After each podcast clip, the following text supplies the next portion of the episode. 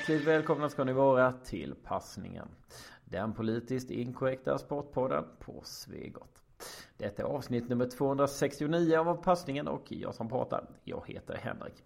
Vi har en eh, fulltankad eh, kvartett Fan, jag vet inte varför jag säger sådär. Det är inte så att vi är så jävla... Fast vi kommer kanske vara fulltankade när vi kör vår EM-special. Men skitsamma.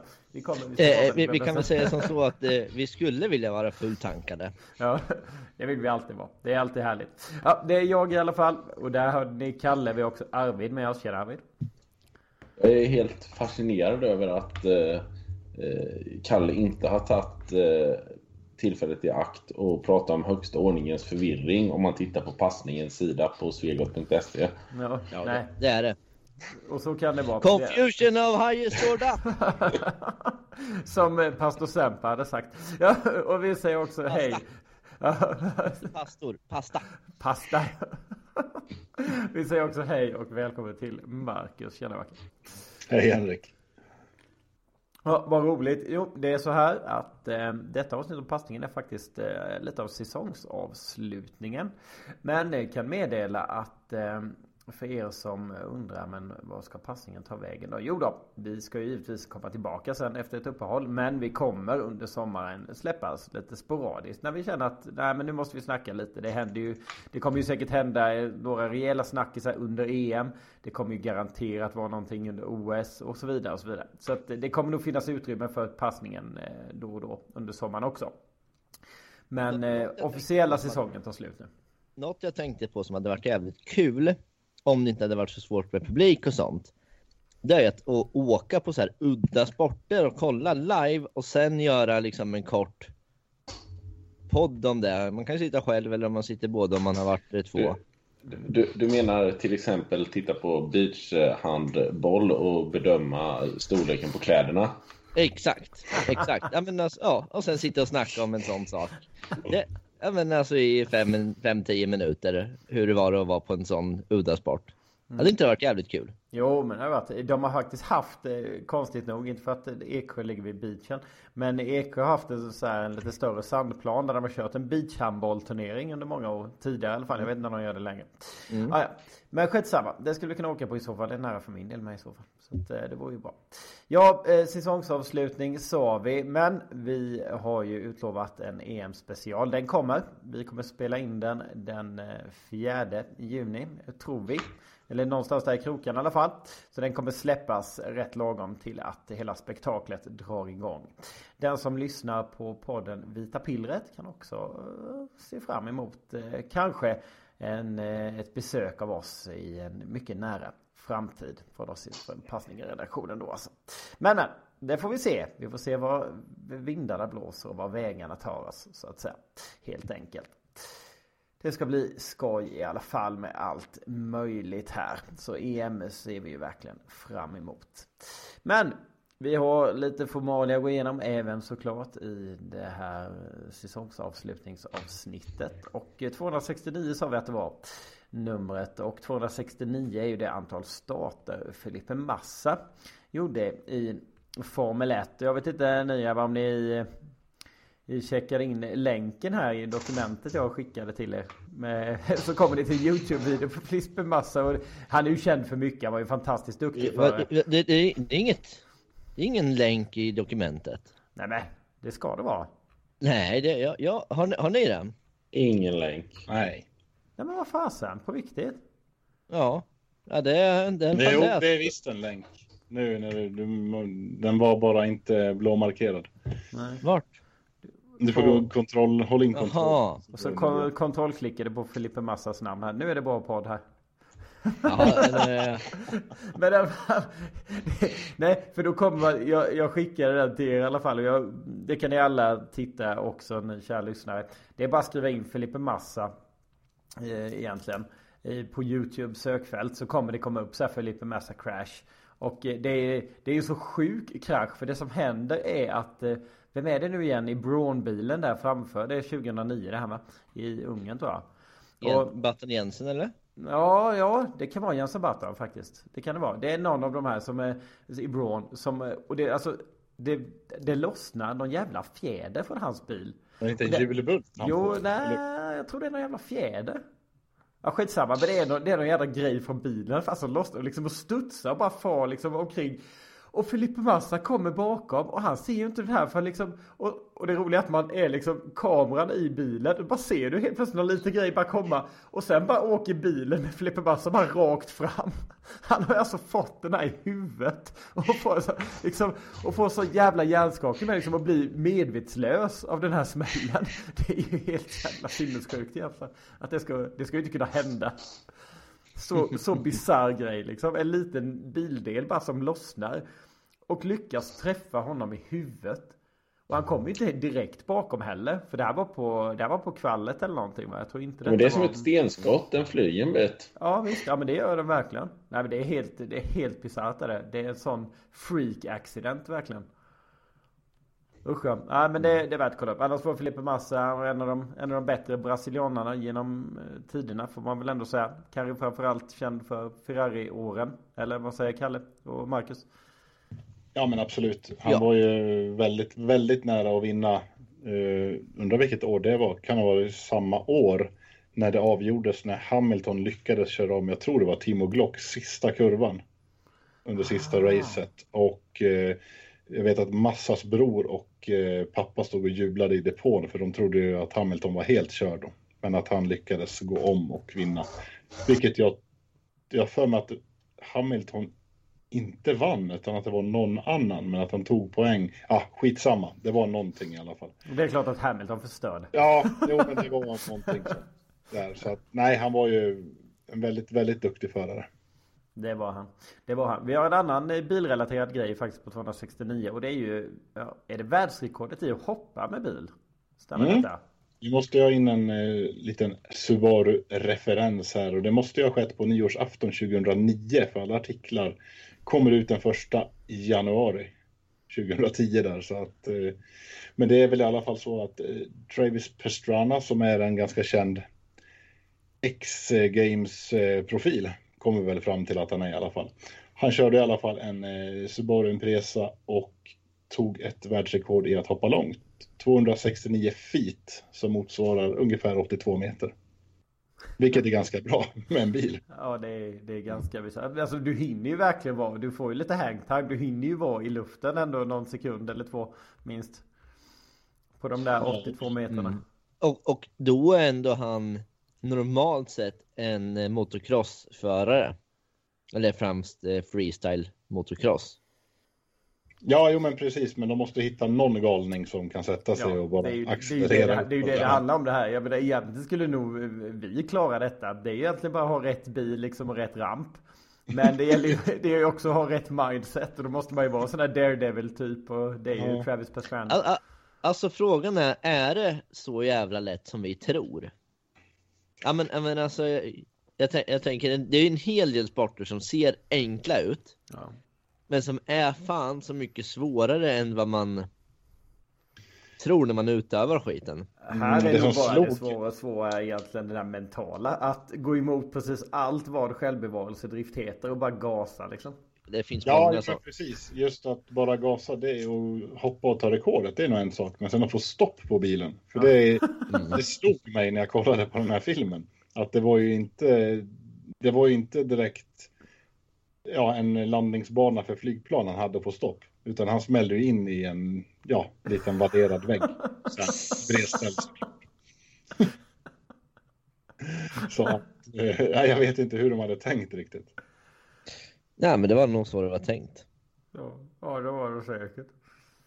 Det var det säkert. Nej men du har en, du har en intressant eh, poäng där Kalle. Är det något annat du tänker på något som ser lätt ut men som är bra mycket svårare egentligen? Ja men alltså det är ju, det, det finns säkert en hel del sporter nu, nu kanske jag inte, men alltså. Nu kommer jag inte på någon det- direkt så Det är många bara. som ser jättelätta ut när man kollar på dem. Jag tar ju bara snooker som ett exempel eller dart på ett Mm. sätt. Och nu har ju de flesta kanske kastat en dartpil i sitt liv men kanske inte spelat på ett 12 fots snookerbord. Men Nej. när man står där och ser hur pass stort det är och hur trånga hål det är, som flickan sa, så då är det, då är det problem att spela bra. Ja. Ja det är det faktiskt. Mm. Det är det verkligen. Mm. Nej men det är en kul grej. Så, men då får vi väl se helt enkelt. Vi får väl utmana oss lite här då i passningen. Att, eh, vi utmanar våra lyssnare med att eh, känner ni att ni inte vet vad ni ska göra under sommaren så har ni ett rekord att slå här nu då. I att hoppa med era bilar där hemma på gården. det, är bara, det är bara att... Ja. Fram med V70 och gasa på utav bara helvete. ja, det är faktiskt rätt sjukt egentligen. Alltså 82 meter. Man måste Ja, jag sitter och tittar ut lite och försöker mäta upp det ungefär. Att, ja. Ja, som sagt. Det är, det är mer än vad man tror. Jävlar. Ja, det är mycket som kan gå fel i luften. Mm. Ja, det är det. Nej, men en häftig grej i alla fall. Kan vi inte säga annat. Vad är det längsta du har hoppat med en bil, Arvid? Eh, ja, vi har faktiskt, vi har faktiskt ett jävla gupp här eh, i närheten av där jag bor. Där man fan får trycka på bromsen nästan för att inte flyga. Så det är, du är och nosar på 82 meter? Ja, ja 82 millimeter kanske. Ja, det är inte för skam det heller. Ja, det är bra. Det är bra. Ja, vi har också den 27 maj, för det är ju då passningen nummer 269 släpps. Och den 27 maj 1961 så vann eh, italienska fotbollslaget Fiorentina den första europeiska cupvinnarcupen mot Glasgow Rangers. Och det var som jag förstår det första och enda gången då Eh, cupvinnarcupfinalen spelades i en eh, så att säga ett hemma borta möte. Och Fiorentina vann båda matcherna och blev därmed eh, klara mästare. Ja, eh, cupvinnarcup är ju ett ganska Det är ett ganska häftigt koncept egentligen. Jag gillar det måste jag säga. Men vi som inte levde på krita är det vad det låter som att de som vann alla nationella kupper spelade en, alltså det som idag är så Svenska kuppen och FA-cupen och så, spelade en spelade en internationell kupp eller ja. är, var det fler lag med? Det är ju, vad heter det, vinnare av nationella kupper. Alltså då pratar vi då eh, FA-cupen, Svenska kuppen, Copa del Rey eller vad du vill. Exakt det jag sa. Ja, jo men precis. Så att det är ju det som, ja. Och jag instämmer i att det är en ganska frän grej. Att det är verkligen de som har, och det är inte alltid de bästa lagen står överst på den prispallen. När det mm. kommer till inhemska kupper, utan det är ju det som är charmen med inhemska kupper, att det är oftast något skrällag som går väldigt långt och kanske hela vägen ibland. Det är den enda internationella eh, cupen med som eh, Tottenham har vunnit faktiskt. Kan man ju säga om man, om man bryr sig. Mm. Eh, ja men det är kul. Det finns många roliga gamla mästare. Bland annat vann ju Magdeburg från dåvarande Östtyskland. 73-74 till exempel. Ja men om man, om man tänker så här också Slovan Bratislava vann 68-69. Anderlecht 75-76 liksom det. Och det är ganska Dynamo Tbilisi, Tbilisi liksom. Ja, ja det, det, är en del, eh, vad ska man säga, skrällag som har vunnit. Real Zaragoza. Mm. Ja men det, det var ganska coolt för att det ger ju lite utrymme för eh, de här lite Lite mindre också kanske att få komma ut i Europa på ett sätt. Nej, jag gillar, jag måste säga, jag, jag gillar det konceptet och jag skulle gärna se att det återupptogs faktiskt. Men, ja. men det är ju också, också lite en rest. Jag tror inte att det är den den moderna fotbollens önskan riktigt att eh, ha det här konceptet igen. Så att... Och så är det ju. Mm. Vi lever ju där vi gör helt enkelt. Kan vi konstatera. Och där vi lever, ja, där är vi tidsmässigt eh, när det är dags för hockey-VM. Som ju nu har dragit igång borta i Riga på andra sidan eh, eh Östersjön heter ju vattnet givetvis. Ja, eh, en eh, total eh, eh pissig inledning av eh, turneringen från Tre Kronors sida och eh, de får väl ta veckans eh, värsta här för det. Vad, eh, är det någon mer än jag som började reagera lite? Jag såg inte ens första matchen där, jag bara såg resultatet. Jag bara, ja men det är ju lugnt liksom. Det är ju, hockey-VM blir ju aldrig roligt ändå för det, typ, för det blir kvartsfinal. Så att, och Lettland här, ja. ja gör, de, gör de fem mål så är det bra. Och så visar det sig att Sverige får stryk med 2-0. Eh, reaktioner där, var det någon som, eh, eller känner man bara att man skiter i hockey-VM eller blir man ändå att man faktiskt reagerar? Alltså hockey-VM skiter man ju i i normalfall. Och i det här fallet när det inte är publik och dessutom hela den här jävla Vitrysslands bojkotten och allt så skiter man ju i det extra högaktningsfullt. Ja. Känner jag. Absolut. Ja. Jo, men ja, jag håller med. Och sen med mina Sveriges två första matcher, vad var det inte? Danmark och eh, Vitryssland va? Mm. Danmark och Vi- Lettland. Nej, ja förlåt Lettland. Men Ja. det ju bland, jag blandade ihop Tre Kronor med Kanada här nu. Ni hör ju hur Ja, borta ja men jag, jag förstod att du menade dem där. Och det är ju två lag som bara Sverige ska vinna mot. Det, är, det finns ju ingenting annat. Och speciellt inte i den här gruppen. Eh, Men det är lite idel skrällar i turneringen om man kollar på de andra lagen. Och det som slår en är ju Sveriges enormt svaga lag på pappret. Ja. Det är ju... Ja, det blir ju vad man det, gör. inte bara, det är väl inte bara på pappret? Nej, och det syns ju i spelet. Och kollar man på Kanadas lag de har skickat också så nej, det är ju väldigt B-betonat och eh, väcker väl kanske inte jättestort intresse hos någon. Nej men det, det är det ju. Alltså det, man vill ju på något sätt ha en turnering med spelare där man känner igen de flesta. Det, jag kände faktiskt när jag tittade på Tre Kronors trupp att nej, jag kan inte riktigt placera alla. Det kan jag inte. Och det, det känns lite, då känns det lite, lite knepigt nästan kan jag tycka. Det vill man ju känna att man kan göra för då, är- då är det också mycket lättare att ja, brinna lite för turneringen och sådär och, och gå in i det lite. Nej det var... Ja, men tänk bara att Finland torskar mot Kazakstan på straffar. Liksom. Nej, men det, det ska ju inte funka i ett VM. Nej. Så att nej, turneringen är ju skev, men framförallt kul. Jag tror ett lag som Tyskland kommer kunna gå hela vägen. Jag, jag hoppas på Vitryssland och ROC i final. Ja vi får se men det, det är nog inte omöjligt. Ryssarna Men varför bra. blir det så här då? Alltså, varför är det så extremt dåligt i år jämfört? Visst, hockey-VM är alltid dåligt, men så här extremt dåligt. Ja, det finns ju alltid de här fixstjärnorna i varje land som alltid ställer upp när förbundskaptenen ringer och eh, det har vi väl inte riktigt sett. Jag kan inte mm, ja, komma på någon, kan du det Henrik, som eh, är en fixstjärna i KHL eller NHL som har åkt ut, som har Ja, som har accepterat och åkt hit. Jag vet inte om det är restriktioner, om det är karantänregler eller vad det nu skulle kunna vara som ställer till det också. Jag har inte satt mig in i det. Det kan säkert vara alltså bök och stök som har gjort att många har tackat nej. Alltså, Det, det tror jag med. Jag, jag kan också tro att det är så enkelt att den här liksom NHL-bubblan som har varit har ju gjort att många kanske inte har kunnat umgås med sina familjer och vänner i största allmänhet så mycket som man kanske normalt gör under en säsong. Och därför tycker jag att det är mer värt än normalt att få göra det nu, lite mer obehindrat.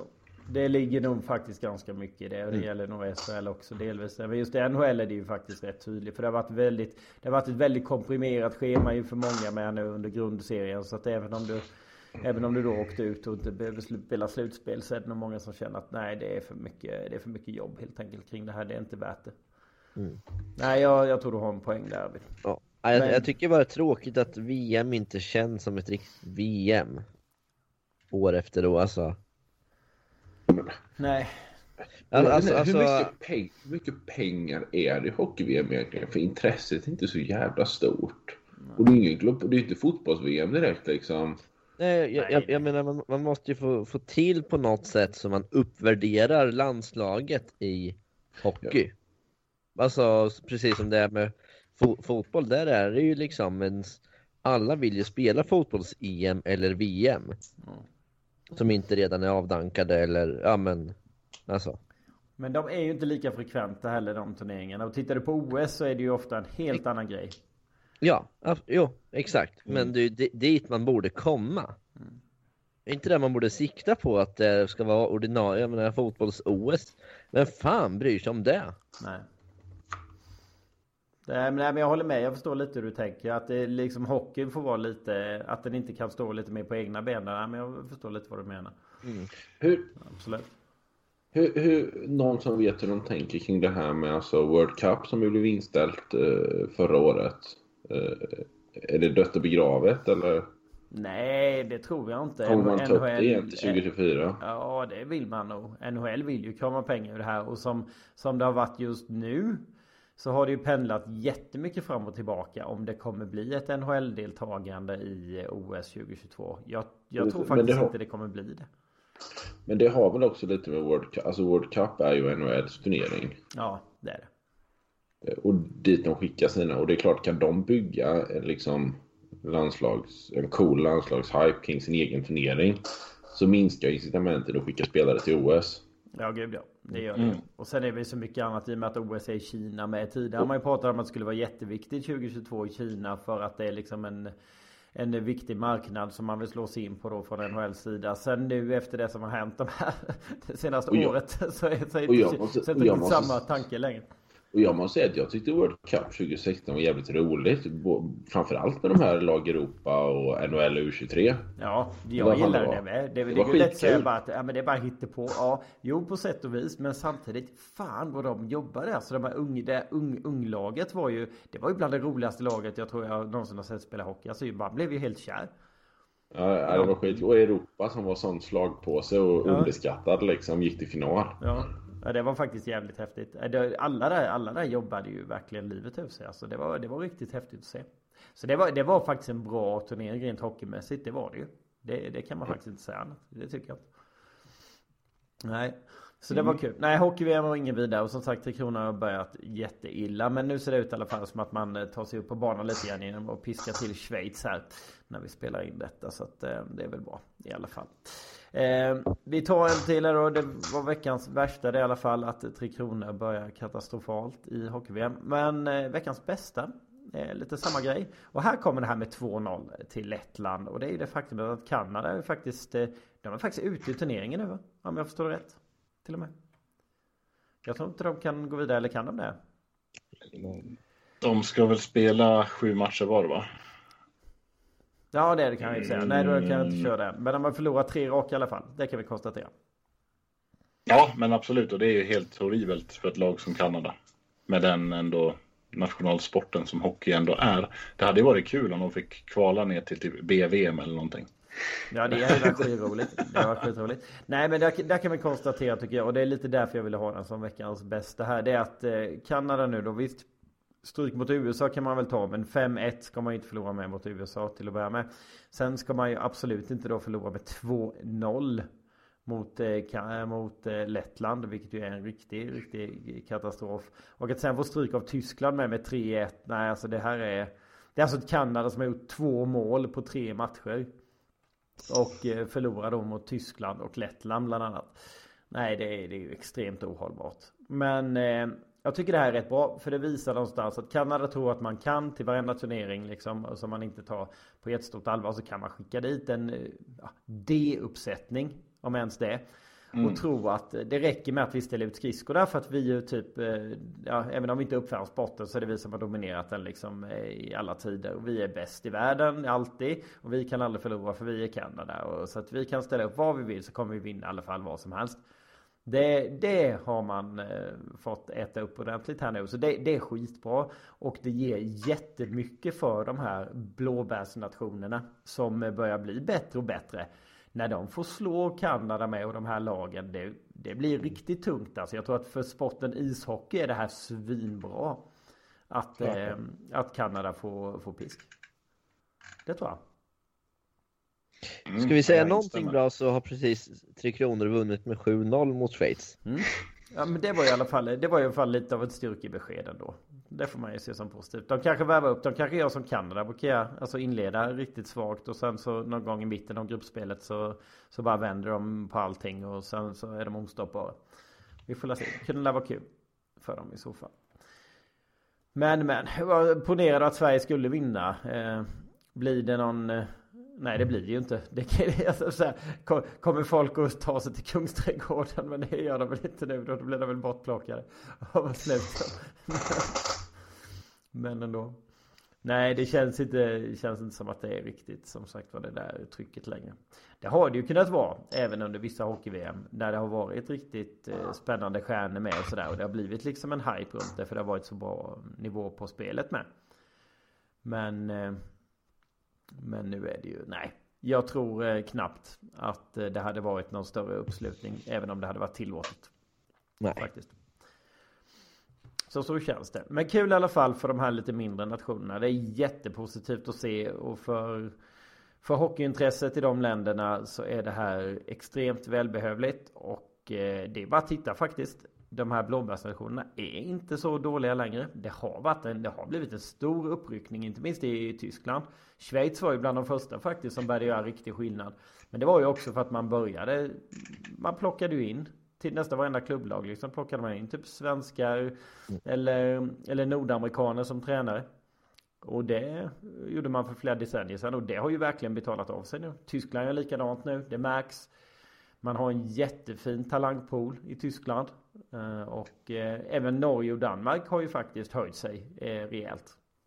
De senaste, senaste åren. Så att, ja, men det är himla kul att se faktiskt. Så att, jag, tror, jag tror att det är bra för sporten på alla sätt och vis. Och så är det roligt med att se kanadiker faktiskt få smaka lite verklighet ibland. För de tror verkligen att de ska kunna komma undan med vad som helst. Bara för att de är kan Så det är skönt.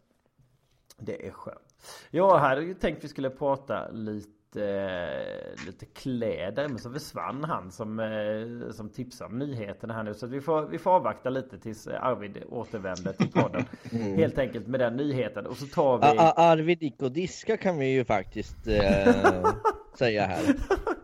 ja det kan vi säga tycker jag. Det är bra. Här, vi, eh, vi, skyr inga, inga, vi skyr ingenting i passningen utan vi, vi är ju, vad ska vi säga?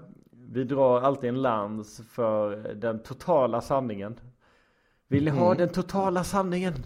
Ja! ja, det är fint. Det kör vi hårt på här. Så att eh, Arvid har gått och diskat lite och så väntar vi på honom. Och medan vi gör det så tycker jag vi tar och pratar lite om Monacos eh, Grand Prix. Och då kan vi konstatera att eh, den där julmutten sitter fortfarande kvar. Ja, det gör den om den inte åkte av idag, det vill säga. Ja, Kalle, du eh, som är Eh, är en av Formel 1-fantasterna här. Eh, vad, eh, vad har du att säga om Monacos GP och vad är den här julmutten om? Ja, Monacos GP är väl som vanligt som jag sa innan att det kanske inte är eh, jul mot jul vi racear där utan eh, det är mer helheten och taktik som är grejen där. Att det är helheten, att det är häftigt att de åker rätt genom stan liksom. Att det går enormt fort om man skulle tänka sig själv att man kör in i stan i de hastigheterna liksom i 260 knyck ja. eller vad, vad nu maxas. Eller, bara, lång... eller bara chikanen där liksom. Man tycker att åh gud, de bara smyger runt och sen så håller de ju ändå 100 km i timmen. Ja, och exakt. Det, och det är ganska, ja man kan ju försöka göra det med sin egna bil om man vill. Ja, ja, exakt, exakt. Nej, så på det sättet var det väl inget spännande race, men taktiskt tyckte jag det var spännande. Jag sa direkt när Hamilton gick in väldigt tidigt i depån. Jag, jag sa direkt att fan, jag tror inte de där hårda däcken han går på nu kommer mäta sig med alla som sitter kvar på soft. Och mycket riktigt så satt Hamilton och förlorade tid varje varv då när de andra var fortfarande på soft trots att Soft hade kört 20 varv. Du satt och gnuggade dina händer där. Exakt, då satt han och gnällde i radion. Hur är det möjligt? Hur är det möjligt varv ja, efter varv? Ja, det var så jävla, jävla gnäll, Det var så kul, han frågade verkligen så här. Men Peres, vadå, är Peres framför mig? Och de bara ja. Mm, exakt. ja, det, det var svinkul var det. Ja, det var faktiskt Han var så jädra irriterad. Han var så lipig var han. Så ja oerhört gnällig och irriterad. Ja, det, var, det var faktiskt en fröjd att höra. Ja. och Hamilton var riktigt dålig i både kvalen och racet. Han slutade sjua. Tror jag det var. Ja. Eh, och det var samma han hamnade i kvalet. Eh, men desto roligare var det ju för ehm, eh, Red Bull och eh, även Vettel som gjorde ett riktigt bra race. Red Bull eh, körde upp eh, Perez från 8 till 4 på grund av en eh, mycket stark taktik att köra länge på soft som jag trodde på. Och sen eh, vann Verstappen. Men han kanske inte borde gjort det. Nej. Eller vad tycker du Henrik? Nej, jag tycker inte det. Jag hade, jag hade faktiskt eh, detta racet vet jag att vi gärna ser Verstappen som vinnare just för att han kan slå ut Hamilton så att säga. Men detta racet hade varit kul om det hade fått vunn, eh, vinnas av killen som faktiskt tog pole position i kvalet. Och det var ju Monegasken, Charles Leclerc. Som eh, alltså hade chansen då att få starta i pole och ja, startar man i pole så har man en fantastiskt bra chans att vinna just i Monaco. I, ja, för det är nästa, jag vet inte hur ofta det har hänt att pole position inte vinner i Monaco. Nej. Det är inte många gånger alltså. Det är det inte. Så man, det var ju nästan liksom klart att om inte bilen då pajar under, under racet så kommer ju Leclerc eh, eh vinna. Tror mm. det Men det var ju inte riktigt så bra det fick bli tyvärr. Utan eh, en krasch under kvalet där. Vad var det mm. egentligen som hände där Kalle? Det missade jag. Ja, det som hände, han hade, han hade kört sitt bästa varv där som räckte till pole position. Och sen skulle han försöka ett varv till och maxa ytterligare för att säkerställa att Förstappen Verstappen hade ett varv kvar och jag tror även Bottas hade ett varv kvar att köra där. Men han, eh, ja, han åkte in med ena framdäcket i eh, Ja, i, i, en, eh, i en kurva helt enkelt och eh, de kör extremt tight. Vi, vi snackar liksom centimeter varv efter varv efter varv och vill du maxa så vill du vara så nära som möjligt ja. den här kurvan och han åkte in och eh, kraschade och de han helt enkelt inte laga bilen på ett dygn. Nej, nej det, det Men får så... de röra bilen under det dygnet? Mm om de inte ändrar eh, fundamentala inställningar. Okay. Ja, nej, för det där mm. har de ju ändrat eh, av och till. Exakt. Hade han, de, hade han behövt byta växellåda, då hade han fått starta från depån. Mm. Men hade det bara varit att byta hjulupphängning, då hade det varit okej. Okay. För nu var det väl en drivaxel som ja. var, om inte jag var helt ute och cyklade. Ja, jag tror det var så. Exakt. Det var det. Nej men det är ju så oerhört sorgligt. Han var ju ändå, för att han trodde ju givetvis då att ja, men vi hinner ju lösa bilen liksom. Det kommer ordna sig. Så att det är klart att han var ändå jädrigt taggad liksom. Hur häftigt är det inte att på sin hemmabana där och just Monaco av alla ställen att få starta i pole. Alltså jag, jag led så mycket med Charlie Clark. Jag tycker så jädra synd om honom. Ja. Att det faktiskt skiter sig. Att bilen inte blir färdig och han inte får starta detta. Det ja. kanske var hans hans största chans i livet liksom att få, få ta just den här segern. Nej, det, och, det är himla synd. Ska, ska vi fortsätta på, lite på Leclerc så tycker jag ännu mer synd om honom. Han är ju alltså en riktig monegask. Det är många Formel 1-förare som bor där av skatteskäl, men han är ju född och uppvuxen i Monaco. Och han har aldrig gått i mål i Monaco. Mm. han, han, han, han, de fyra senaste åren har han alltid eh, kraschat eller fått ett stopp eller någonting. Han har inte lyckats gå i mål på fem år. På sin hemmabana där han eh, kör mm. på gatorna där han gick till skolan. Den är lite svår att träna i en Formel 1-bil på dock. Alltså i banan. Det är inte som Monza eller någonting där man kan Nej. ha en som testbana. Nej, visst är det så. Visst är det så, men det är ändå liksom den som betyder mest för honom sannolikt. Ja. Mm. Och, ja, det är lite synd om honom. Ja, men det är jävligt ja. ja. Men kul som fan att Verstappen vann och Hamilton kom sjua. Vilket innebär att Verstappen nu leder hela VM. Och inte nog med det. Tack vare Bottas mutter, vi ska gå på sen, så leder även Red Bull totalen konstruk konstruktörsmästerskapet just nu med en poäng.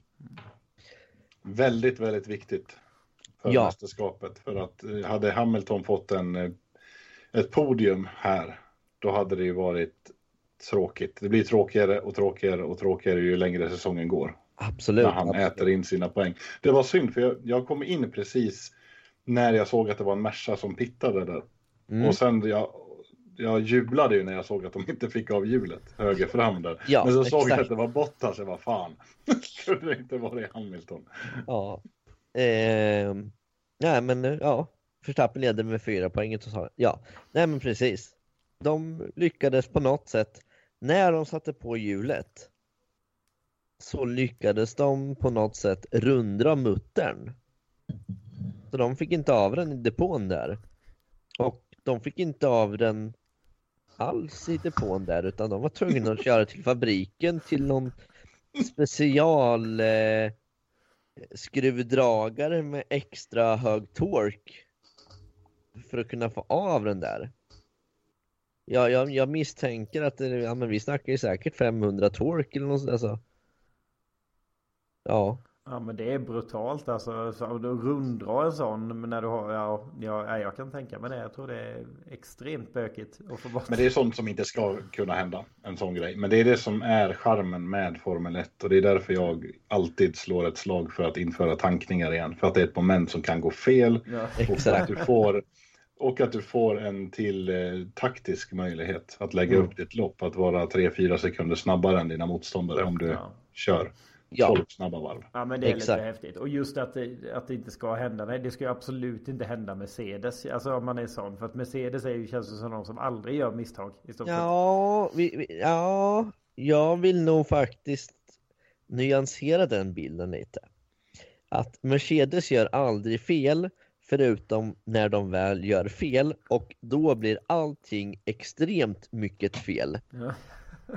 Så, och det händer typ en gång per säsong. Men det var lite Det som missade nog- här då. Både den taktiska missen egentligen när man tog in Hamilton och hur man släppte ut honom. Det var också lite, man hade ju tänkt helt fel där. Visade det sig. Exakt. Och Ja. även just det här med, och så strular hjulmuttern med. Så det är väl sant. Allt, when it rains it Mm. Ja, pours. och- som man säger. Exakt. Och förra säsongen, ja men då var det ju när eh, Hamilton inte var med.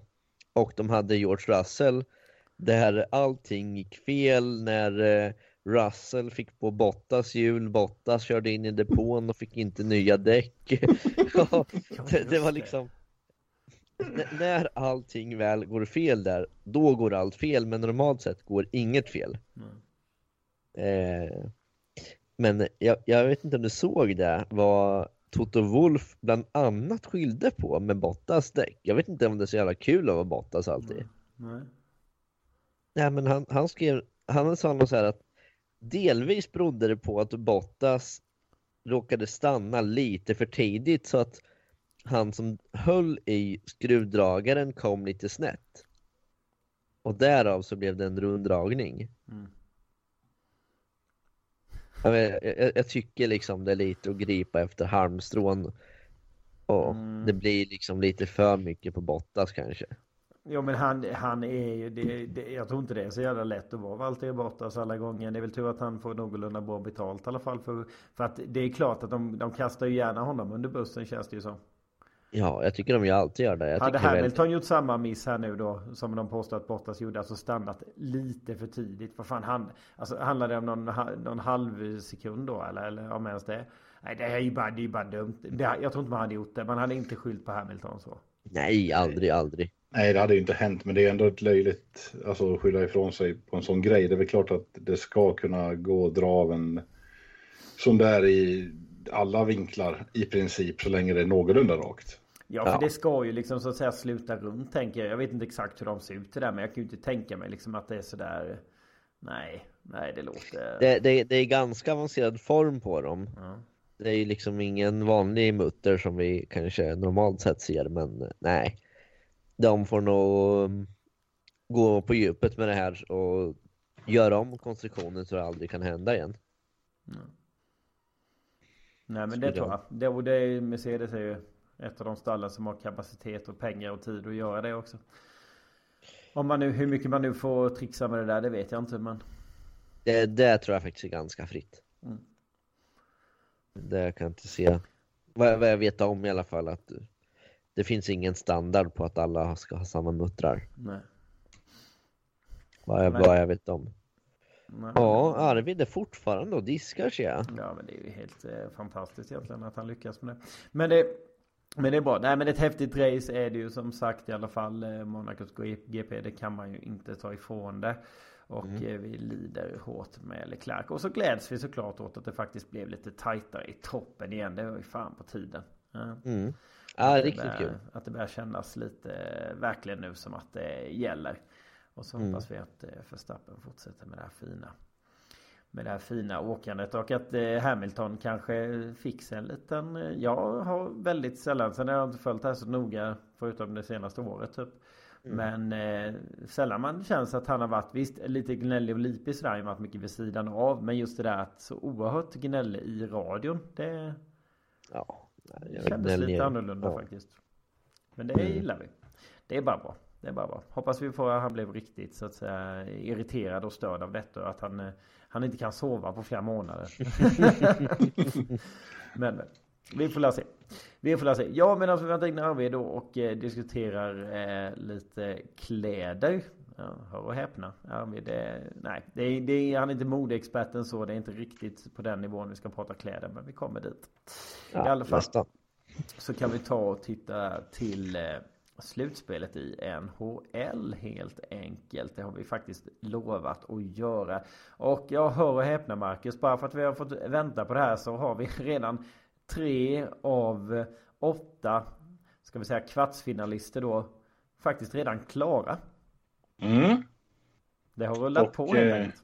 Ja, men det har ju det. Eh, Vissa mer skrällbenägna än andra höll jag på att säga som jag trodde skulle kunna bli lite jämnare matchserier. Men eh, du får väl gärna guida oss igenom det här. Jag vet inte om vi ska börja i väst eller öst eller vart du... Vi kan, börja, vi kan börja i väst, för jag tycker alla andra poddar som kör NHL börjar alltid i öst. Så vi kan börja i väst istället. Det, det låter rimligt. Ja, det gör vi. Vi börjar i väst. Och då hade vi ju i eh, de här conference-kvartarna då Colorado mot St. Louis, Vegas mot Minnesota och eh, ja, väst blev ju också detta året Toronto mot Montreal och Edmonton mot Winnipeg. Och ja, här eh, såg det mesta ut som hyfsat eh, tuffa kamper. Möjligen Toronto då skulle man väl hållit som en favorit i sin serie. Vegas, det tycker jag. Favorit i sin. Colorado, favorit absolut. Och eh, möjligen Edmonton, lite lätt favorit i sin serie. Men Mm. eh, ja, några av dem är färdigspelade. Vi kan ta och börja med en av dem som är det.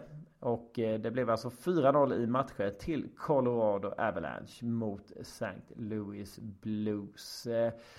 Colorado, ja, självklart stor favorit. Men eh, 4-0 är ett underbetyg till Blues. Det var faktiskt inte, det var inte ens jämna matcher i den här serien skulle inte jag säga. Det jag såg. Nej, och jag hade betydligt högre förhoppningar på St. Louis i den här matchserien. För det är ett slutspel, slutspelslag. Det såg vi ju för, vad det är, tre, fyra år sedan när de låg sist vid nyår och gick och vann. Någonting sånt var det väl. Och eh, nej, ett slutspelslag som har kvalitet men eh, tydligen ja, totalt kollapsade i den viktigaste av ja, matchserierna för säsongen naturligtvis. Då.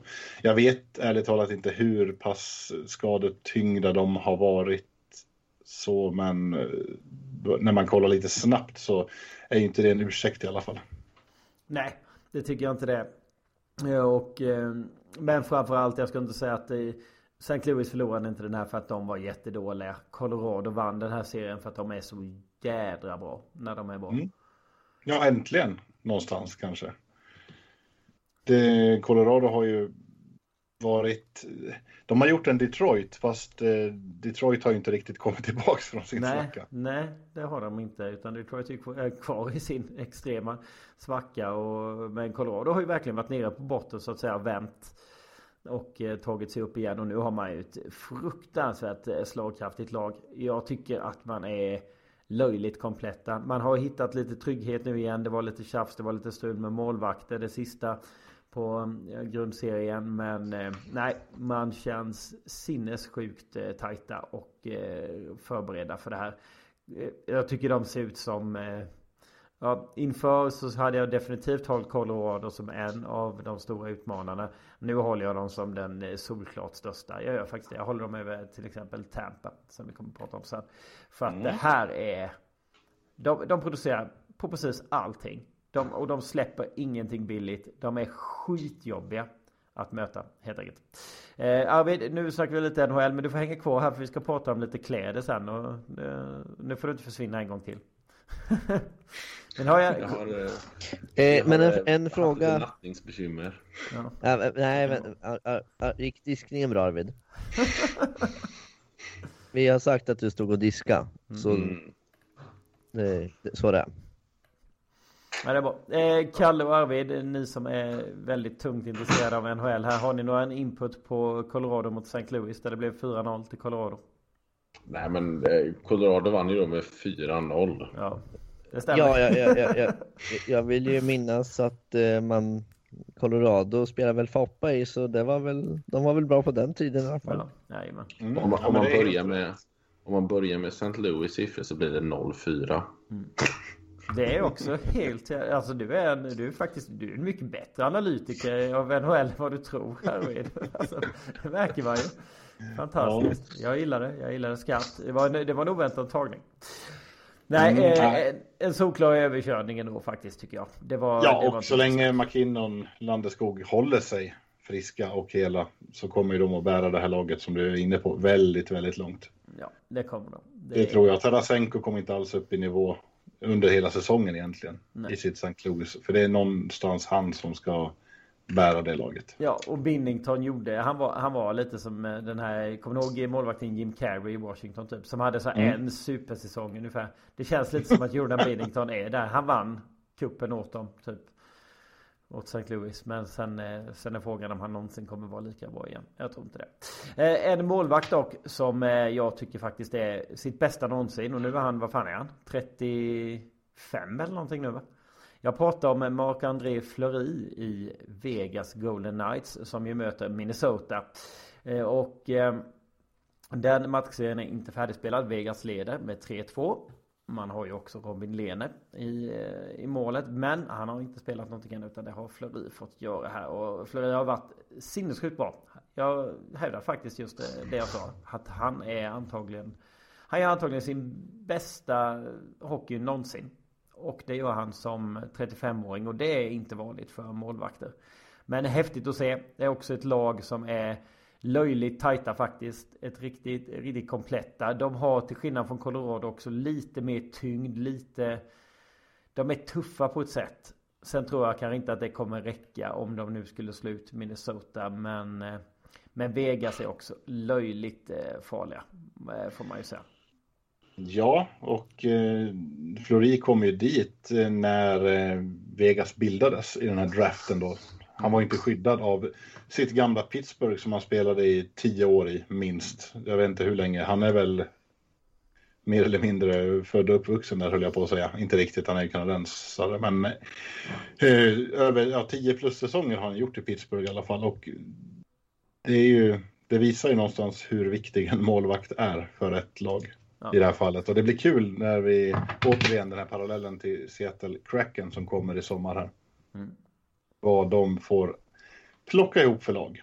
Ja men det kommer bli roligt. Nej jag, ty jag tycker att det är bland det tyngsta. Sen ska man inte säga att Vegas är jädrigt också bra på att göra mål. Eh, på eh, primärt i 5 mot 5. De har ett rätt kasse powerplay under hela säsongen. Det är man fortfarande här. Men man är jädrigt, man är jädrigt snabba. Man är väldigt aggressiva mot mål. Och eh, man är ett av de absolut jobbigaste lagen att möta. Och det, det kan, det kan man gå långt på. Så jag tror att eh, ja, det kan nog bli riktigt spännande där om de går vidare. För jag tror väl inte riktigt på Minnesota. Som förvisso har gjort en eh, riktig skrällsäsong får man säga. Det var knappt ingen som eh, trodde på Minnesota. Men man har ju, och nu försvann hans namn härifrån. Men ni vet han är rookien. Som inte är rookie egentligen så åldersmässigt. Men som är det eh, eftersom han gör debut i NHL. Ryssen, vad är det han heter nu igen? Eh, vilket land eller vilket lag pratar du om? Minnesota nu? Ja, Eh, kan det vara han eh, Kaprizov? Ja, exakt klart Brisov som har Mm. gjort en eh, dundersäsong ju och varit eh, himla bra. Eh, fortsätter att vara bra här nu också i slutspelet. Så att Minnesota ser absolut jättespännande ut. De är också riktigt, eh, också riktigt jobbiga. Ett härligt, eh, ett härligt jobbargäng verkligen. Som alltid tar de här åkningarna. Ingen som fegar utan det är alltid man går mot målet för fasen annars får det vara. Och det, jag gillar det. De har en skön inställning. De, är, de känns som att de spelar helt utan press.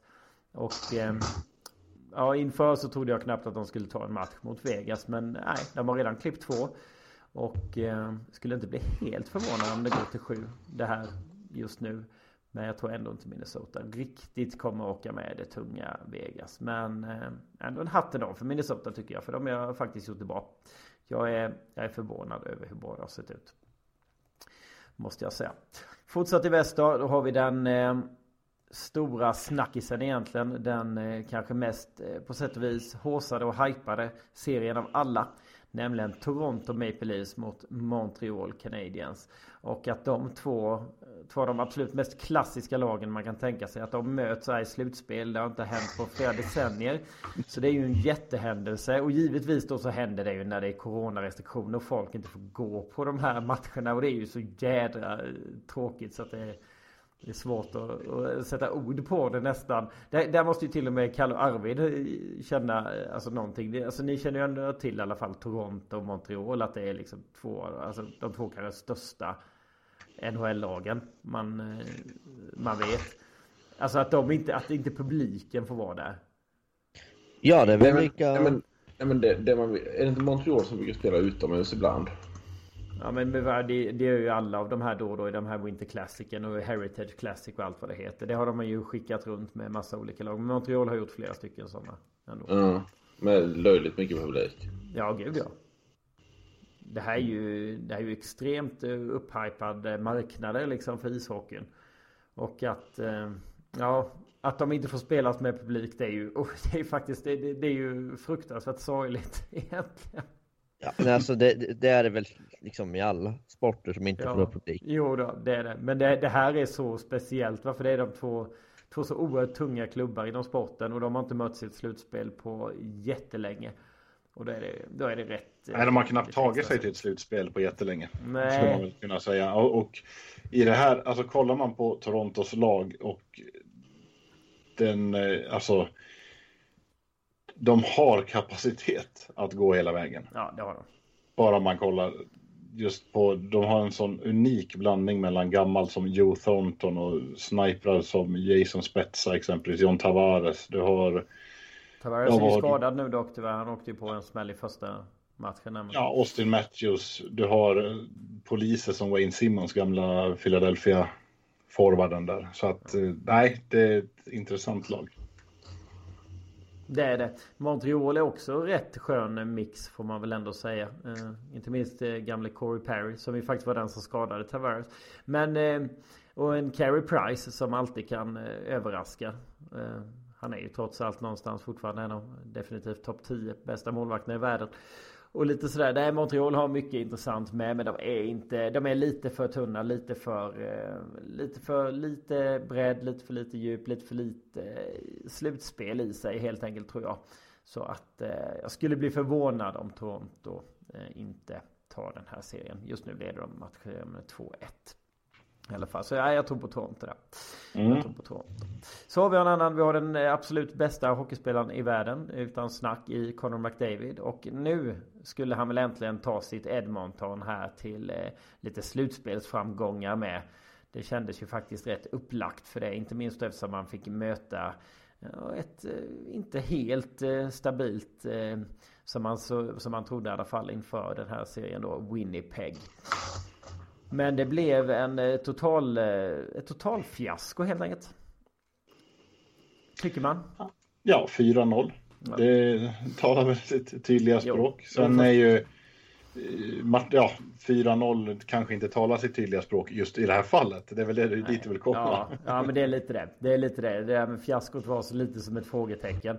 För att eh, jag måste säga att eh, det är sällan man ser ett lag åka ut med 4-0 i matcher och sen faktiskt rätt oironiskt står från både spelar eh, och eh, tränarsida och säga att man ändå att man ändå såg eh, mycket positiva grejer med det. Och det är ju nästan att man, alltså att de ens vågar säga det när de spelar för en kanadensisk klubb. Det är ju hatten av.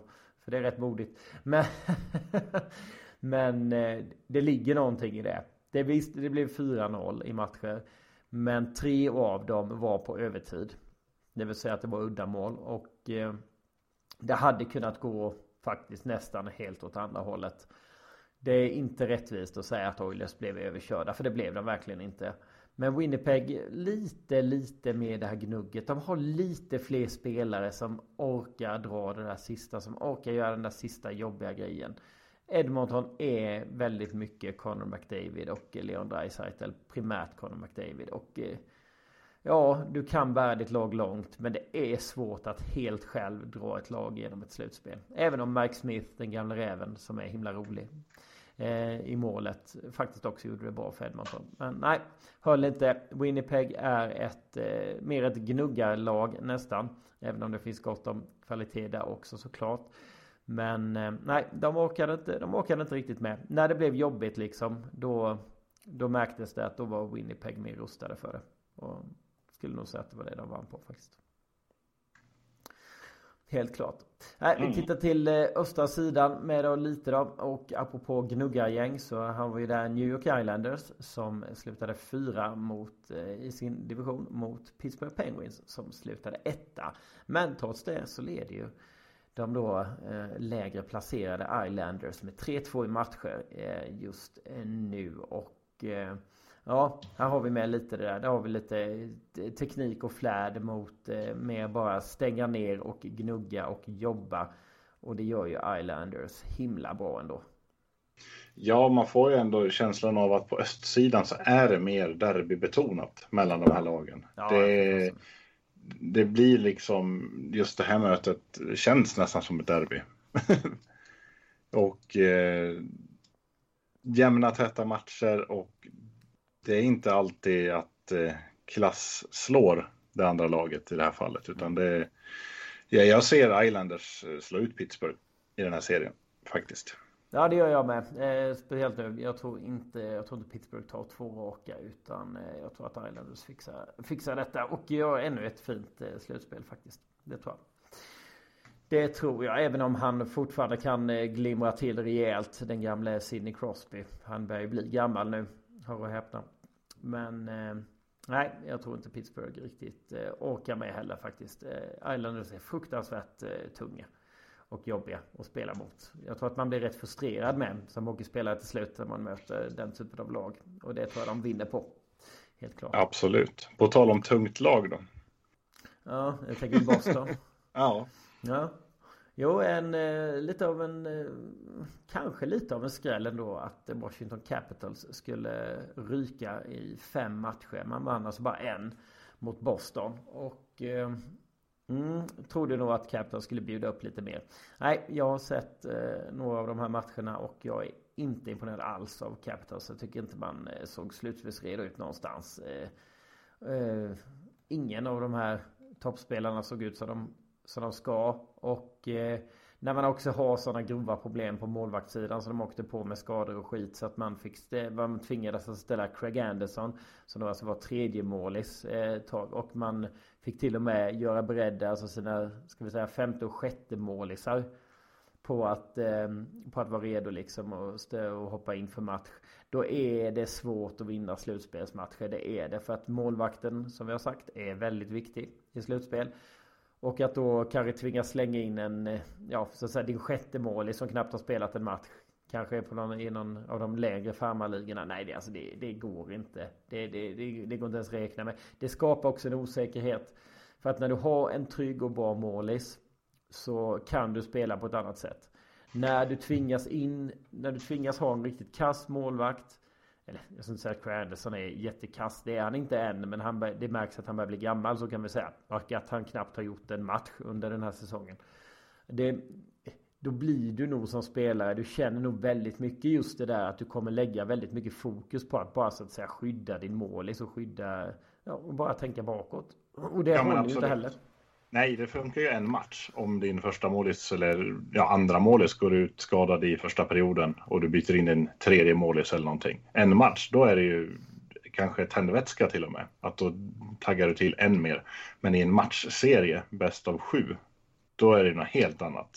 Då går det inte att ligga på defensiven och eh, ja, täcka lite mer skott och offra lite mer för målvakten för då skapar du ingenting framåt istället. Och då blir ju hela spelidén lidande. Nej, så är det verkligen. Och Boston är extremt eh, drillade på något sätt. Alltså de, är, de, de vet alltid vad de ska göra. De är, men kanske inte sådär... Ja, de är inte riktigt, riktigt lika mycket Big Bad Bruins. Men de har ändå den mentaliteten. Det har de alltid. Jag tror man skulle kunna sätta in spelare som bara vägde 75 kilo och var liksom en och 1,73 långa och så skulle de lik förbannat kunna bete sig som Big Bad Bruins. Det är någonting som sitter i klubbmärket där och... Ja, absolut. Precis vad jag skulle säga. Ja. Just klubbmärket. Ja. och det är... Ja, och det är ett slutspelslag. Och det tycker jag man bevisar ännu en gång här faktiskt. Och tycker gör det bra. Nej, Boston är... Boston ser som en helt klart en, eh, en contender nu. För att de är, när de väl är vidare från första rundan så är de, de är taggade och de vet eh, De har så mycket veteraner där som har varit med så länge. Och eh, på den här nivån så många gånger så att Nej, när de väl är där nu då är de riktigt, riktigt jobbiga att möta. Så det ska bli spännande.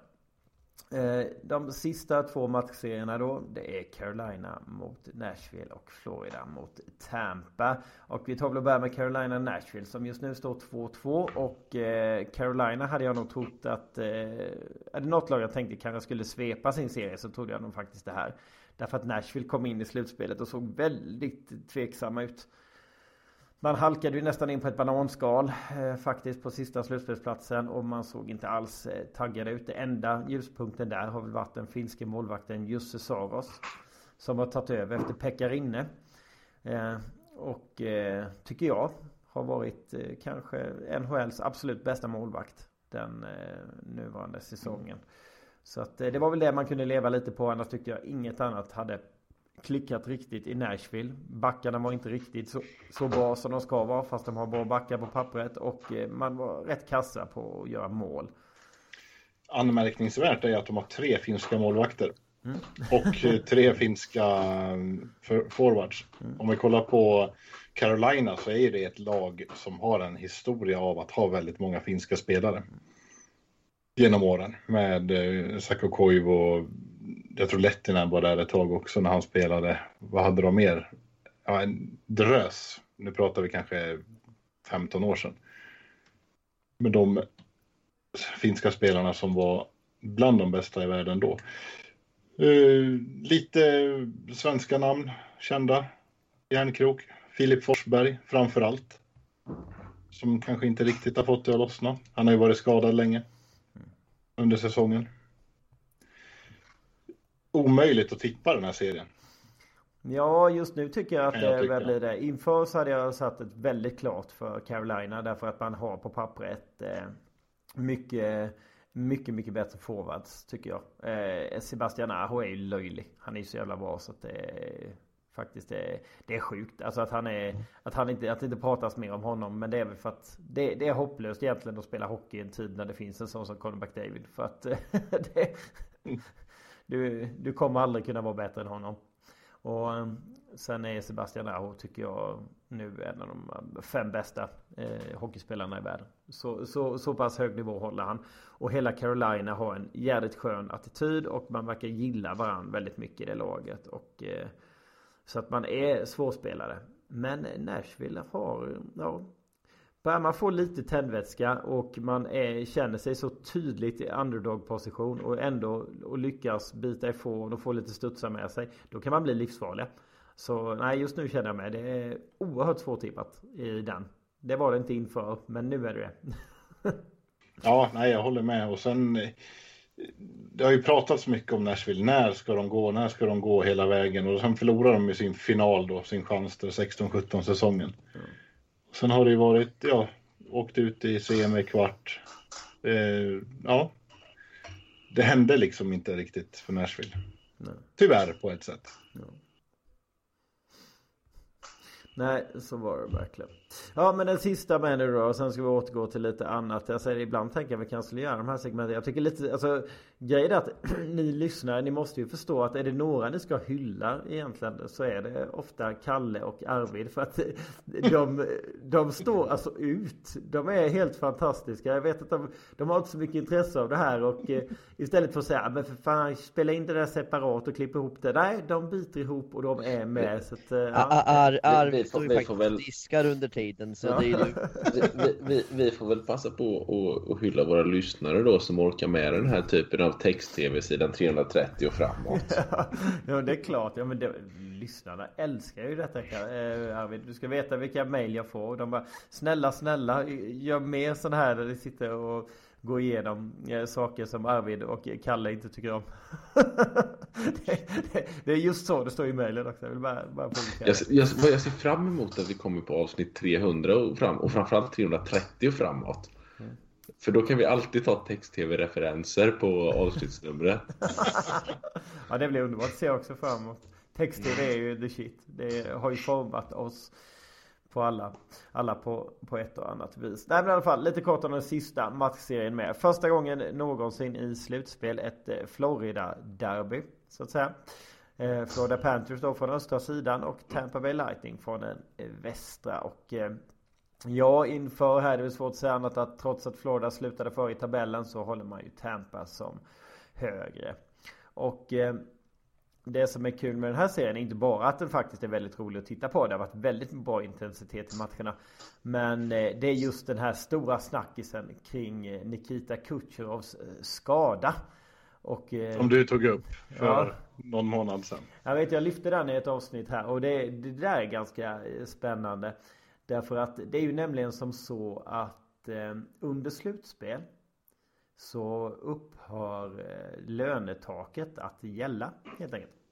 Så att det gäller liksom fram till slutspelet. Sen får du inte ändra truppen liksom från sista matchen sådär till slutspelet. Det får du inte göra. Så du måste ju ändå ha samma trupp.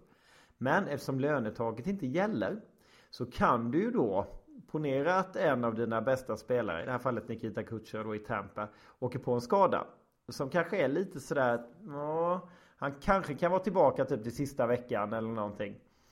Då är det rätt tacksamt att sätta upp honom på det här som heter Long Time Injury Reserve List. Det vill säga att han, han räknas då bort från lönetaket för att han är långtidsskadad hela säsongen.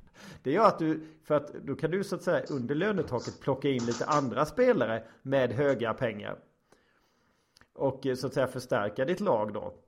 Och sen då som av en fantastisk tur bara, det är, det är såklart bara tur och bara slump, att Nikita Kucherov då kommer tillbaka 100% frisk dagen efter att grundserien är slut och kan vara med i slutspelet då. Så att eh, Tampas trupp eh, som jag har förstått det just nu kostar ju alltså någonstans runt 20-30 eh, miljoner dollar mer än vad den egentligen får göra. Jaha, ja, Jaha, så, så de här åtgärderna gör man då såklart innan slutspelet? Ja. Och sen så stoppar man tillbaka sina spelare som är... Ah, Jajamän, för han, ja för han, är ju lång, han var ju långtidsskadad och det, det men, var lite, ja. Men min, min, fråga till dig då Henrik är ju att skulle man då i teorin kunna ha superlukrativa slutspelsbonusar till sina spelare? Ja, och därigenom komma runt lönetaket? Ah, möjligen. Jag vet inte riktigt vad du får ha för det. Jag är lite osäker på hur det här eh, avtalet ser ut. För de får ju faktiskt, det är anledningen till att lönetaket inte räknas. Det är ju faktiskt att spelarna får så att säga ingen lön nu. Under slutspelet så får de inte lön. Det är därför lönetaket upphör att gälla. Så lönen är egentligen bara till spelarna under den ordinarie säsongen.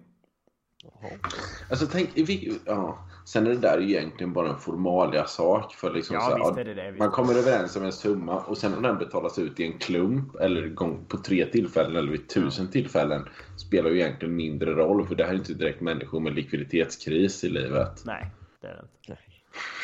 Det är det inte. Nej men det är så, det är så jävla intressant. För det är klart att det här har blivit en jättesnackis liksom. En del tycker att nej men det här är så här kan man ju fan inte göra. Och andra tycker att ja, varför inte? Det finns ett kryphål i, liksom, i reglerna. Använd det. Men, eh, men det är ju inte så lätt. Du ska ju, det ska ju vara vissa grejer. För att du, du ska ju ändå kunna ha den här skadan. NHL tolererar ju inte. Du kan ju inte bara plocka, säga någon att åh nej men nu har vi bestämt att han är skadad så nu är han på listan. Utan så funkar det ju inte. Utan det ska ju så att säga ändå vidimeras av läkare och sånt där. Annars får du ju inte sätta upp dem på den där listan för att ta bort dem Men det, det, det, det, finns ju inga lönetak för läkare så de kan nej, man ju ge hur dyra mutor, mutor som helst. Det är väl, det är väl lite så man, man tänker. Och jag tror fortfarande faktiskt att det är så att det räcker dock att det vidimeras faktiskt av lagläkarna. Jag tror inte att det måste vara utomstående läkare egentligen. Så att det är klart att det finns ju lite utrymme här för att skarva. Det gör det ju. Och eh, Ja, Tampas trupp i alla fall som sagt. Den är den överlägset dyraste just nu. Det är inget snack. Och eh, med, med Kutjerov med på isen, Marcus. Eh, det är svårt att säga annat än att Tampa ännu en gång är en favorit. Nej, jag instämmer. Det är möjligtvis någon, jag har någon känsla för Toronto faktiskt. Men det, de ska ju ta sig ända dit då naturligtvis. Ja. Eh, de har ju Colorado på vägen. Eh, ja. Minst, eller kanske Vegas. Ja, nej men. Tampa någonstans eh, på pappret, ja likt förra året, är ju fantastiskt bra. Ja det är det. det. På pappret är det ju det bästa laget. Det går ju inte riktigt komma ifrån det faktumet. Sen ska det ju stämma och det är klart att man kanske, man ska inte, man ska inte vara mätt heller sådär som en del kan bli. Nej, vi har ju sett det här i flera års tid med Pittsburgh exempelvis då, som inte går hela vägen trots att de hade ett helt outstanding lag i några år. Ja. Utan det är ju trots allt ändå sju matcher i varje, eller du ska möta varje lag då. Så ja, jag hoppas väl någonstans att eh, Toronto kan gå långt i alla fall. Det hade varit kul och inte minst för sporten. Ja men det Nej jag, jag, jag, hoppas ju Jag hoppas ju faktiskt lite på Tampa Bays motståndare här första. Jag tycker Florida är för, förbannat roliga. Eh, jag är, jag är lite svag för dem. De är inte kanske de mest tekniska eh, roliga att titta på. De har Men det är de har också ett härligt go när de kommer igång. De och, de och Carolina måste jag säga är jag eh, svag för.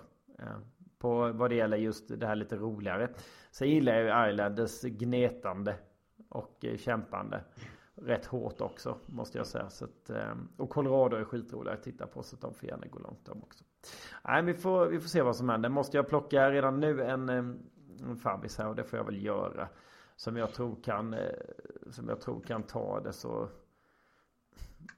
Det är svårt nu ändå inte säga Colorado faktiskt trots allt. Trots att Tampas fina fina trupp på pappret och allting. Nej, det jag har sett av Colorado, alltså fy satan. Jag, nej, det är det känns som att de kan slå mm. allt och alla faktiskt. Just nu. Men då säger jag Toronto då. Mm. Ja, så får vi se om något av våra lag kommer till finalen. Ja, ja, men det märker vi. Det märker vi. Det var ju kul ändå lite att vi faktiskt avslutade det där med eh, Florida. För att eh, i Florida så är man ju gärna på stranden. Och eh, är man på stranden, ja då kan man ju spela den här sporten vi nämnde lite kort innan, nämligen beachhandboll. Och ja Arvid och Kalle, här har det ju varit en liten snackis här. Vad är det, vad är det egentligen som har, som har hänt kring beachhandbollen? Nej, men, beachhandboll, mest känd för, eh, för dess återkommande årliga turnering i Åhus, eh, skakas egentligen sedan länge av en fadäs. Eh, tycker man. Från politiskt korrekt etablissemangsmedia. Nämligen att det finns reglemente kring hur många centimeters bredd plaggen för damerna får ha. Oh. Som i princip då går ut på att de ska spela i bikini. Mm. Eh, det Sen finns, fin det, det finns ett, ett kryp, kryphål om det är dåligt väder så får de ha underställ under bikinin. ja. Nej men Fan vad de. Så här, kvinnor ska bära bikini. Toppen ska vara en sport-bh med djupa urringningar vid armarna. Trosorna får inte vara mer än 10 cm på sidorna. Mm. Ja, vad är problemet? Vilka fler sporter har vi reglementen för kläder i? Ganska många. Jag tänker mig att det är ganska många kampsporter så, så har man väl det. Mm. Ja, alltså det, det är väl fan i de flesta de flesta normala sporter som inte liksom ser ut som som skit. Men finns det, vad, finns det några praktiska liksom eh, bra skäl till detta då? Jag vet inte. Du menar varför man införde det från början? Ja, eller är det liksom verkligen sådär att det, det mest är för att man ska exponera lite hud liksom? Att det ska då vara lite roligare alltså, det, att titta på? Man, man, man får väl mer publik. Hur jävla svårt ska det vara? Vem ska betala deras löner? Och... Ah. Ja, men det ju, har ju med fair play att göra. Du ska inte kunna ha något klädesplagg att dra i när du står och liksom, ja, kampas vid linjen. Ja. kan du väl göra ändå? Vilket roligare, ännu roligare för publiken och då skulle jag ha miljonpublik där. Men... Men, men urs, ursprunget till reglerna verkar lite verkar lite oklart. Ja. Men gissningsvis för att man ville väl ta fram någon typ av uh, uniform liksom, alltså laguniform som ser uh, liksom, så att det inte ser ut som en, en säck potatis liksom. Så, alltså där någon har bikini och så har någon uh, jumpsuit och en tredje har shorts och t-shirt och liksom. Ja, det, det, skulle ju se för jävligt ut faktiskt. Det, det där jag menar att ja, någon, någon form av enhetlighet vill man ju faktiskt ha. Ja. Sen skulle det ju gå att göra som i många andra sporter där man liksom ändå lämnar upp till, till laget och bestämmer. Ska alla ha linnen eller ska alla ha det här eller det här? Hur, hur, hur vet man vem som är i vilket lag? Ja, det när gör man med kollar på- Det gör man väl med färgen? Jo, men det är ju inte så att det är, ju- det är ju inte världens största plagg. Så om den ena ska ha gula, en gul bh och det andra laget ska ha en röd bh. Det är ju inte så att det är världens... Alltså det är ju mycket tydligare med en tröja. En tisha. I, så är det ju såklart. Men jag, men jag, vet, jag vet inte. Eh, jag kan för lite om den här. Ja. Men alltså det är, alla de här beachspotterna blir ju lite, alltså på, på sätt och vis, eftersom de inte är till 100% eh, superseriösa. Ja, Beachvolleyboll är väl i sig lite, de är men... inte till 100% en sport. Nej. vad, är, vad är det Henrik Arnstad brukar säga om kvinnor eller så här. Nej men alltså det... Det, det, det, här, det här är en aktivitet för dagisfolket, precis som. Nej men det är ju lite, det är ju lite den här, alltså du ska ha den där beach-attityden kring de här beachspotterna och eh, ja på beachen så går du ju inte heller runt liksom i en, eh, i en långärmad fotbollströja typ. Generellt sett. Utan du har ju liksom, du har ju kläder anpassade för stranden och det är väl Det är väl lite så kanske man har tänkt kring det här med, känner jag. Ja, det, det finns nog ganska goda skäl i grunden för att det ska se bättre ut. Men de klagar ju på att herrarna, de får minsann ha tisha på sig. Mm. Att herrarna inte måste spela i Speedos. Det skulle de tycka var det rätta. Fast herrar har väl fan inte så... Liksom, herrar har ju badshorts och inte... Ja. Jo men du måste ju nästan ha någon form av färgmarkering ändå på överkroppen så att säga. Eller så att man ser Mm. vilket lag man tillhör. Och för herrar är det ju liksom, ja. det- Nu ser ju fan klädkoderna ut som de gör här i världen. Om man bara kunde acceptera det någon gång kanske. Och då är det ju att det är lite olika. Mm. Och ska vi herrar då ha någonting på överkroppen så blir det då ett linne eller en, em, en t-shirt. Liksom. Ja. Så, så, så är det ju bara. Och eh, medan damer kan liksom ha då som sagt en, ja, en, eh, en bikinitopp då. Eller sådär. Som det är Mm. ungefär i det här fallet. Det är väl inget, eh, det är väl egentligen inte så mycket konstigare än så. Men, eh, men är det men är det rimligt det här då? då? Att, eh, och, och hur många egentligen eh, tror ni verkligen reagerar på det här? För jag kan inte tänka mig att de känner att nej men vi blir hämmade sportsligt av det här. För det är det det, det kan väl inte någon ha som någon invändning? Nej, jag tror inte. Nej, det, det här är bara trams. Det, alltså alla skulle ju lik förbannat klä sig så här. Ja. Så det, det kommer ju vara någon som inte gör det första året för att göra ett statement. Jo men lite så. Nej men jag, jag håller med dig där Kalle. För att om man tänker de här De här beachhandbollsspelerskorna då. Ja det är som du säger. Skulle de vara på stranden i eh, Så att säga i vanliga fall. Då hade de kanske haft ännu mindre bikinis på sig. Det är, inte- det. men det är ju inte omöjligt i alla fall. Nej, absolut inte. Och att det då liksom blir en, eh, ett, ett problem här nu då. Nej det blir nej. Det, det, det känns som att man, återigen man ska ha någonting att klaga på. Man ska liksom på något sätt och vis då attackera. Attackera det, det manliga och eh, ja. Jag vet inte själva vad de vill eh, uppnå som sagt. Med detta, men det är väl en rätt bra fördel. Jag kan säga att när man springer i, Jag har spelat beachrugby någon gång ärligt talat. Och i rugby så får man ju så att säga dra i tröjan. Och att, att ha en tröja som man kan dra i när man spelar just alltså det är rätt, alltså i sand med av alla jädra ställen och, och springa i och röra sig i. Liksom, du har inte de här snabba rörelserna. Att undvika jag, det hade ju varit en jättefördel. Jag fattar inte att de inte uppskattar det här med damerna. För det är ju skitbra att inte ha någonting som du så kan fastna i och sådär. Jag, brö, jag bröt ett finger för att jag fastnade i en tröja när jag spelade beatrugby. Bara, bara säger det. det. är bättre att inte ha de där grejerna. Dock kan jag börja se ett stundande framtida problem med den här bikiniregeln. Mm det är ju när det ska in massa transor. Och då blir det inte trevligt. det kan vi ju.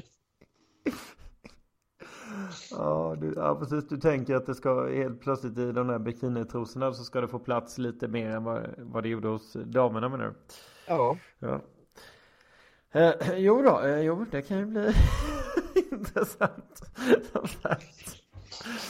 det kanske det Ja, ännu en grej där då, där kanske faktiskt eh, en grej då är faktiskt där de här kvinnorna som är protesterar mot det här skulle tjäna på att ta in transor. För att då kommer folk säga att nej för helvete ta på de långa shorts. ja, nej, du, ja, du är inte dum du Kalle. Du kanske gjorde en eh, jätteinsats här nu för, för damernas beachhandboll med den där idén. Vi får se helt oh. enkelt om eh, någon som är involverad i det lyssnar här så får de gärna ja, får de plocka upp det där tycker jag. Men då ska det credda Kalle också för den idén. Så att han får, han får beröm. Han får beröm. Ja, men har vi något annat kul då vi tycker att vi ska jag lyfta upp här? Har, jag har en eh, grej. Världens töntigaste avslutande och comeback av en karriär. Ja, låt höra. Antonio Lindbäck. Ja. just det. Som avslutade förra säsongen med ett SM-guld i Masarna. Eh, och eh, ja, körde sin sista match där för säsongen då. Och skulle avsluta karriären.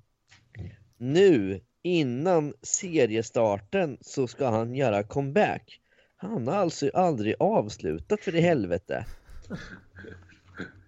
Och, och, och, sen påstår han jag ska bara köra i Masarna nu och ingen annanstans. Men för i helvete, lägg av. Du kommer köra någon annanstans när du får ett bra jävla kontrakt på bordet. Du har inte avslutat men, någonting. Du vill ha lite uppmärksamhet. Slu, sluta varje gång. Det är så, så här, alla folk slutar varje vinter förutom de som spelar, eller i Sverige i alla fall och alla som spelar i typ England. Bara slutar varje sommar. Ja, exakt. Ja, men det, det blir ju så... Det, det, Nej, det, det, det, är så jävla löjligt. Jag blev lite sugen när de frågade. Svarar, säger han. men... Ja, det, det, här är ju andra gången han gör comeback också egentligen. Han har ju haft ett uppehåll på ett år förut när han eh, körde på tok för full. Eh, det var i början av 2000-talet någon gång. Det var det. 20... Den gången också. Exakt. 2006 vill jag minnas att han åkte dit. Han körde inte säsongen 2007. Sen så kom han tillbaks och körde i eh, näst högsta serien 2008 och sen var han tillbaks för fullt resten. Eh, så det här är andra gången. Eh, han är, ja, nu har inte jag sett det här än, men han har ju tydligen varit med i den här SVT-dokumentären om eh, rasism i svensk idrott. Jaha. Jag har inte sett den än, men... Nej, det är fortfarande ingen som har sett den. Det tycker jag att där har vi ju en klockren eh, sommarspecial egentligen från passningen faktiskt. Att vi kan ta och titta på de där om vi, om ja. vi orkar ta oss igenom dem. Jag är tveksam, men jag ska försöka. Ja, ja, ja vi, vi, vi får göra en rejäl insats för det här nu. Och jag... Oh så våra lyssnare slipper det. Ja. Men, men, men, men, nu har inte jag sett vad Antonio säger där. Men alltså, för i helvete. Det finns ingen som skulle haft lika många chanser som dig Antonio, det vet du om. Först de här massa fyllor och problem runt omkring. Med, med, när det toppas av att en jävla polisjakt i depån efter en match, för i helvete. Jag menar, men alltså, det, det, finns ingen annan förare som skulle få komma tillbaks efter att ha blivit jagad av, av polisen genom en depå efter en match. Herregud! Det finns när journalister och fans står och kollar på. fotar och filmar. Herregud, nej. Mm. Ja, han verkar ha ett eh, kort han kan spela ut. Ja, så det, det, ska bli väldigt intressant att se vad han säger för det där kan nog slå ner ganska hårt på. Ja, nåja, det var, det var Antonio. Ja, värt att lyfta helt klart. Ja. Eh. Ja, jag vet inte. Vi kan väl, jag har väl en liten Q, en liten, liten grej också kanske. Till vi kan ta jättesnabbt. Mm. Det var nog att eh, Marek Hamsik som nu så, gjort sin sista match i Göteborg. Ja, just det. Blev det inte en stor jävla flopp av skiten? Med tanke på hur hype att det var. Han gjorde ett snyggt mål i övrigt. Ingenting. Nej, Nej jag, du, du hade rätt Kalle. Du hade rätt. Det, det hade du. Mm. Det, jag ville bara ha sagt ja. att... Eh, nej men, ja. Sen kanske det beror på andra saker i Göteborg, men ja, jag vet inte. Nej, men det, det, det blev, ingen, det blev ingen eh, succé i alla fall för Mark Hamsik. Det kan vi ju konstatera. Nej, vi kan, vi kan konstatera att han inte gick in och dominerade som många trodde. Nej, många trodde att han skulle gå in och fullständigt dominera och köra ner varenda lag eller något sånt. Jag vet inte vad folk trodde. Nej. Nej, nej det, det blir bara löjligt när en spelare som Marek Hamsik ska spela på en arena som heter Vallen någonting. Ja. Jag tycker. Han ska, han ska inte vara på en Vallen. Han ska vara på en... Ja. En estadio, typ. Där ska han vara. Mm. Ja, nej, jag håller med. Exakt, ja. Jag håller med. Jag håller med dig. Arvid, har du något du vill tillägga? Nej, jag tror faktiskt inte det. Inget kul från eh, beachvolleybollen eller någonting? Nej, jag Nej. tänker vi kan väl eh, önska eh, trevlig eh, sommar. Även om det har varit det kallaste maj i mannaminne. Flyg mer för fan. Ja. Mm. Helt rätt. Ja men där ser, ni, där ser ni vad som händer nu när vi inte kunde flyga på ett år. Det blev snorkallt i maj. Så att, ta nu och, och res ordentligt ja. När det öppnas upp igen. För fasen. Så, så det är så jävla kallt i maj. Det tycker jag är helt rätt. Ja jösses. Det är bra. Det är bra. Nej en eh, trevlig sommar får ni ha som sagt var alla underbara kära lyssnare av passningen. Men som vi har hittat om lite. Det är ju inte riktigt, riktigt slut och vi kommer nog återkomma under sommaren. Och eh, förbered er för en eh, ja, säkert två timmar lång EM special i alla fall. Det tror jag vi kan utlova. Eller vad säger ni grabbar? Två promille stark också. Jaha då, lätt. Ja, stort tack i alla fall för att ni har lyssnat här på säsongsavslutningen av passningarna. Ha det nu så fantastiskt bra där ute och så hörs vi när vi hörs helt enkelt. Tjingeling!